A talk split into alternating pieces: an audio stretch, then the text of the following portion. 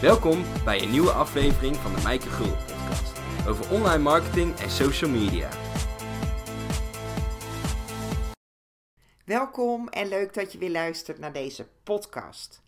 En vandaag wil ik het gaan hebben over cijfers. Namelijk over drie cijfers die jij eigenlijk zou moeten opvolgen in je bedrijf. En ik uh, ga je geen hele technische dingen vertellen en ook geen uh, hogere wiskunde. Want ik was vroeger ook altijd slecht met wiskunde. Maar het is wel goed om echt gefocust te zijn op een aantal cijfers. Dus denk niet meteen, ik heb niks met cijfertjes, ik ben creatief, ik wil content maken, ik wil nieuwe programma's bedenken. Maar het is belangrijk dat jij ook echt gewoon wel weet waar je mee bezig bent, zodat je ook de juiste dingen doet. Dus geen hogere wiskunde, geen hele technische informatie, maar wel drie cijfers die belangrijk zijn voor iedere ondernemer en die ieder ondernemer van zijn bedrijf zou moeten weten. Als jij je bedrijf serieus neemt tenminste. En het eerste cijfer, en dat zou echt een obsessie moeten zijn, deze is eigenlijk het aller, aller, allerbelangrijkste. En dat is je e-maillijst. En misschien luister je nu en denk je, oeh, ik heb helemaal geen e-maillijst. Of mijn mailinglijst groeit niet zo snel. Beloof me dan dat je daar iets aan gaat doen, dat je daarop gaat focussen en dat je dat ook gaat veranderen. Dus geen excuses meer van ik moet eerst mijn boekhouding in orde hebben, of ik moet eerst mijn social media kanalen op orde hebben, of mijn website nog vernieuwen. Want dan ben je aan het einde van het jaar nog steeds in diezelfde situatie. Als jij online wil verkopen, dan heb je gewoon zo'n mailinglijst nodig. Dus daar moet je echt op gefocust zijn. Dit zou echt de prioriteit in je bedrijf moeten zijn. De gemiddelde conversie van online verkopen is slechts 1 tot 2 procent. En dat geldt voor alle branches. Dus het maakt niet uit in wat voor branche jij werkzaam bent. Dat betekent dat van iedere 100 mensen op je mailinglijst slechts één of twee mensen ook klant bij je worden. de rest negeert jou gewoon of die zeggen nee tegen je. Dat betekent dus dat jij meer mensen nodig hebt op je mailinglijst dan je misschien wel denkt. En natuurlijk is dit een gemiddeld cijfer. Je kan altijd hogere cijfers halen. Zeker als jij gratis kennismakingsgesprekken of adviesgesprekken aanbiedt. Dan ligt waarschijnlijk die conversie een stuk hoger. Maar heel veel mensen die willen niet meer hun tijd voor geld ruilen. Die willen eigenlijk automatisch uh, mailtjes kunnen sturen. Dus zonder dat ze die kennismakingsgesprekken hebben. Gewoon een e-mailtje kunnen sturen. Ik heb nu deze nieuwe training. Of ik heb een nieuwe t-shirtenlijn. Wil je deze kopen? En dan wil je eigenlijk wakker worden en dat er gewoon in je inbox meldingen zitten dat je weer verkopen gerealiseerd hebt. Dat je nieuwe aanmeldingen hebt voor je online training, voor je programma, voor je coaching sessies, uh, voor je evenement of dat je zoveel t-shirten verkocht hebt. Als je op die manier zaken wil doen, dat jij gewoon mailtjes kan sturen naar de mensen op je mailinglijst, dan heb je dus een grote mailinglijst nodig. En die 1 of 2 procent is dus gewoon normaal. Dus dan ligt dat niet aan uh, dat jij slechte marketing doet. Het ligt ook niet dat jouw producten niet kloppen of dat er met jou iets mis is. Dat zijn gewoon gemiddelde cijfers. Maar dat betekent wel, als jij dus 20 trainingen wil verkopen van 1000 euro, dan heb jij dus minimaal 2000 mensen op je mailinglijst nodig. En aangezien niet iedereen jouw mailtjes opent, heb je er dus nog meer nodig. Want om 20 trainingen te verkopen, heb je dus 2000 mensen nodig die ook echt betrokken zijn met je mailinglijst, die ook al je mailtjes lezen en die ook enthousiast worden van je mailtjes. En zo'n mailinglijst opbouwen is niet gemakkelijk en zeker de eerste 100 mensen op je mailinglijst krijgen zijn het allerlastigste. Maar probeer je daardoor niet te laten ontmoedigen en bouw je mailinglijst gewoon één persoon tegelijk. op een gegeven moment uh, komt er vanzelf een soort versnelling in, maar in het begin heb je het gevoel dat het tergend langzaam gaat je moet uh, misschien meerdere weggevers maken, ontdekken wat werkt. Zelf heb ik ook meerdere weggevers geprobeerd voordat ik de weggevers had die ik nu heb. Maar je hebt dus wel een klantmagneet of weggever of freebie nodig, of hoe jij het dan ook wil noemen. we zijn allemaal druk, We krijgen al veel meer e-mails dan we eigenlijk zouden willen, dus we geven ons e-mail niet zomaar. Ik weet niet hoe het met jou zit, maar ben je wel eens op een website geweest en er stond schrijf hierin voor, je, voor de nieuwsbrief? Doe je dat dan? Waarschijnlijk niet, um, want je gaat meteen denken: what's in it for me? En daarom is het belangrijk dat je dus iets waardevols moet weggeven, zodat mensen zich wel aanmelden. Iets wat ze zo graag willen hebben, zodat ze bereid zijn hun naam en e-mail te geven. En ik noem het nou mensen, maar natuurlijk bedoel ik ideale klanten. Want je wil wel de juiste mensen op je e-maillijst. En dat ga je al een beetje filteren door het soort weggever dat je maakt. Want een fout die ik heel vaak zie, is dat die weggevers veel te algemeen zijn. je kan wel iets maken over 10 manieren om eh, gelukkiger te zijn. Maar ik weet niet of dat heel veel mensen aanspreekt of dat je daarmee de juiste mensen aantrekt. Ga dan eens denken van wat voor probleem uh, los jij precies op? Hebben mensen slaapproblemen? Dan is het misschien uh, beter om dit specifieker te maken en oplossingen voor slaapproblemen aan te bieden. Zorg dat jouw weggever een specifieke oplossing is voor een specifieke doelgroep en dat het ook meteen resultaat oplevert. Maar kijk in ieder geval hoe je doet of je e-maillijst groeit en ga anders bedenken wat jij kan veranderen. Moet je die weggever specifieker maken? Kan je wat anders doen met de aanmeldpagina of met de promoties? Maar ga nadenken hoe jij genoeg mensen op je lijst krijgt en daar zou je echt op moeten focussen, want dit gaat je op de lange termijn het meeste opleveren. Het tweede cijfer wat belangrijk is, wat je continu zou moeten controleren, is het aantal bezoekers op je website. Ik ben echt verbaasd als mensen niet weten hoeveel mensen op hun website komen. En niet weten naar welke pagina's zij kijken. Als jij die aanmeldingen wil voor je klantmagneet of weggever, dan heb je natuurlijk bezoekers op je website nodig. Maar hoe krijg je nou mensen op je website? Door waardevolle content te maken en dat ook regelmatig te doen. En zodat er voor mensen meer op die website te vinden is en dat ze ook een reden hebben om naar jouw website te komen. Dus zorg dat je wekelijks waardevolle content maakt. Hè? Een waardevolle blog of een video of een podcast. Die ook een probleem oplost voor jouw potentiële klanten. En als je dat uh, week in week uit doet, dan word je daar vanzelf steeds beter in. Dus zorg dat je dat wekelijks doet, of toch minimaal één keer in de twee weken. Want kwaliteit is natuurlijk uh, beter dan kwantiteit. Maar zorg dat je goede content maakt, zodat mensen ook een reden hebben om jouw website te bezoeken. Dat is ook de reden dat ik allerlei uh, blogs gemaakt heb over hoe je je lijst kan bouwen, hoe je dit kan promoten, hoe je meer interactie op social media krijgt, hoe je verkopen kan realiseren, hoe je verkoopfunnels maakt en nog veel meer. Dat is geen content die over mijzelf gaat of over mijn producten. Tuurlijk mix ik dat er wel in. Natuurlijk vermeld ik dat wel af en toe, want je wil mensen wel laten weten waarvoor ze bij jou kunnen zijn. En je wil het ook een stukje persoonlijker maken. Maar met die content los ik vooral problemen op. En inmiddels heb ik ook meer dan 300 blogs op mijn website staan. En dan heb ik er pas nog 150 verwijderd, omdat dat oude content was. Maar dit is de manier waarop je een bedrijf bouwt. Dan hebben mensen ook reden om op jouw website te komen.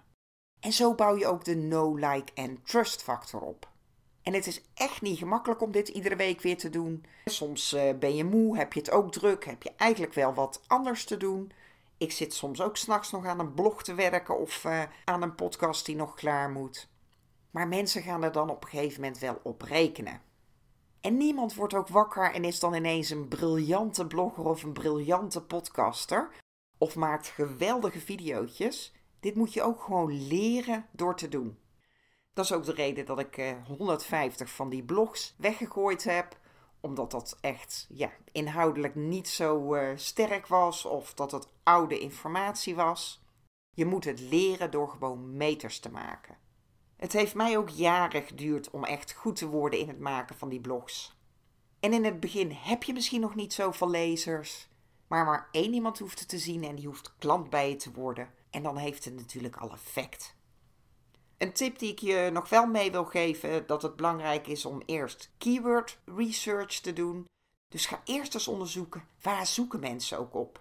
En hoe specifieker je dat kan maken, hoe meer niche, hoe beter jij ook gevonden wordt, want dan heb je gewoon meer kans dat je bovenaan in Google verschijnt.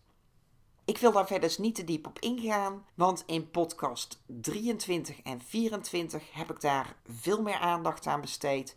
Daar bespreek ik uh, handige tools om die keyword research te doen en ook hoe je blogs kan optimaliseren voor SEO.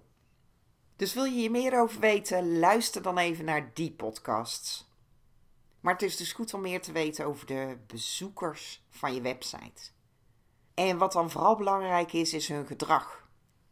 En die informatie kun je heel goed uit Google Analytics halen. En dat kan je heel gemakkelijk opzetten. Dus mocht je dat nog niet geïnstalleerd hebben op je website, doe dat dan zeker. er zijn genoeg uh, tutorials over te vinden op internet. Maar het is echt niet moeilijk. Ik ben zelf ook helemaal niet technisch. En het is mij ook gelukt zelfs zonder die uh, video's te bekijken. Ik vind vooral het gedrag van de bezoekers belangrijk. Om te kijken waar ik dingetjes kan verbeteren. Dus ik wil weten hoe lang ze op mijn website blijven, welke pagina's interessant zijn, hè? wat zijn de populairste blogs of de populairste pagina's. En als je natuurlijk gewoon in Google Analytics kijkt wat jouw vijf populairste blogberichten zijn, dan zorg je dat in ieder geval in deze vijf uh, blogberichten een weggever zit. Want het is natuurlijk gewoon een kwestie van uh, kijken wat goed werkt en daar ook meer van te doen. Dus als je ook ziet dat bijvoorbeeld jouw artikelen over Instagram allemaal heel goed scoren, misschien kun je dan meer artikelen over Instagram maken. Of als jij ziet dat jouw eh, artikelen over LinkedIn heel veel verkeer trekken, misschien moet je dan uh, nadenken over weggever over LinkedIn. Wat ook altijd handig is, is om te kijken naar je bounce rate. En je moet niet schrikken als die vrij hoog is. He, 50% of zelfs nog hoger is uh, vrij normaal. Maar je moet wel gaan bedenken van hoe kan ik dat verbeteren. Want die bounce rate, dat betekent eigenlijk als mensen op je website komen. En als er niks meer interessants is, dan zijn ze weer weg. Dus je wil wel zorgen dat deze niet te hoog is. Zelf gebruik ik daarom in iedere blog ook heel veel links naar andere blogs, zodat mensen ook op je website blijven hangen en denken: oh, dit is ook een interessant artikel. Of ik plaats video's erin, ik plaats podcasts erin, zodat mensen ook langer op mijn website blijven hangen. En dat is weer beter voor je Google ranking. Dus door naar die cijfers in Google Analytics te kijken, zie jij gewoon waar jij dingen kan verbeteren op welke pagina's komen mensen binnen op je website? En op welke pagina's haken ze weer af op je website? Hoe lang blijven ze op je website? En wat zijn je populairste blogs? Dus dat zijn belangrijke cijfers. Daar kan je naar kijken en dan kan je gaan bedenken hoe je dat ook weer kan verbeteren. Dus we hebben het gehad over het eerste cijfer, wat eigenlijk het aller, allerbelangrijkste is. En dat is je e-maillijst. Kijk of je e-maillijst ook groeit. Het tweede wat belangrijk is, zijn de cijfers over je websitebezoekers. En het derde cijfer wat belangrijk is, zijn je social media cijfers. Soms zeggen mensen wel eens die social media cijfers zijn helemaal niet belangrijk. En het klopt, natuurlijk is de kwaliteit veel belangrijker dan de kwantiteit. Want je kan beter minder volgers hebben, maar dat je wel ziet dat mensen heel actief reageren. Want als ik dan op iemands eh, Instagram-account kom en die heeft 100 of 200 volgers, maar ik zie wel dat er heel veel interactie is. En zodra die persoon iets post, dat mensen reageren. Dat is veel waardevoller dan dat je er 10.000 hebt, iets post en dat er gewoon geen enkele reactie komt. Want dan lijkt het natuurlijk net of je die gewoon gekocht hebt. En dit geeft toch ook een beetje een social proof. Want als je dan ziet dat er leven in de brouwerij is, dat er wat gebeurt, dan ben je ook eerder geneigd om daar je e-mail achter te laten. Dus kwaliteit is zeker het allerbelangrijkste, maar ook kwantiteit heeft zeker impact. Want hoe meer volgers jij hebt, hoe meer mensen op jouw website komen, hoe meer mensen zich aanmelden voor je mailinglijst en hoe meer verkoop je uiteindelijk realiseert. Dus het is wel belangrijk hoeveel volgers jij hebt op Instagram of Twitter of LinkedIn. Maar probeer nou niet op alle platformen tegelijkertijd uh, heel veel volgers op te bouwen dan wordt het veel te overweldigend. En dan moet je natuurlijk ook je aandacht heel erg verspreiden. Het is beter om je te focussen op één of twee platformen. En als je dan weet wat werkt op dat ene platform, als je daar ook een systeem voor hebt, dan kan je dat vervolgens gewoon gaan toepassen op een ander platform. En ook hier is het weer een beetje een kwestie van uh, kijk eens wat andere plaatsen. Ga daar eens gewoon mee aan de gang. Ga experimenteren. Niemand wordt wakker en uh, die is ineens geweldig in het maken van YouTube-video's. Of die is ineens geweldig in het maken van Insta-stories of Facebook-posts. Ook dat moet je gewoon leren door te doen en te gaan kijken wat werkt. Maar het allerbelangrijkste is natuurlijk, als jij volgers wil opbouwen op social media, is dat jij gewoon interessante, behulpzame content plaatst en ook vooral inspeelt op de problemen of de vragen van jouw ideale klanten. mensen zijn niet geïnteresseerd in jou, zeker als ze jou nog niet kennen. Die denken alleen maar: what's in it for me? Dus hoe kun je die content zo maken dat het ook interessant is voor de mensen die jou volgen, voor jouw ideale klanten? Want als jij je content gaat plaatsen op social media en je hebt geen enkele interactie, niemand gaat reageren, dan werkt het dus niet.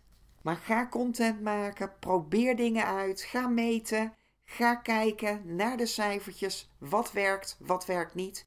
En de meeste social media kanalen die geven tegenwoordig hele mooie statistieken waar je gewoon kan zien wat voor soort berichten het goed doen. En als je dan ziet dat bepaalde dingen goed werken, doe daar dan gewoon meer van. En het kost ook gewoon wat tijd om te gaan experimenteren en om te kijken wat werkt, om die resultaten te zien. Dus het kan best overweldigend zijn, maar focus je op het opbouwen van een publiek en ga ook echt die cijfers meten.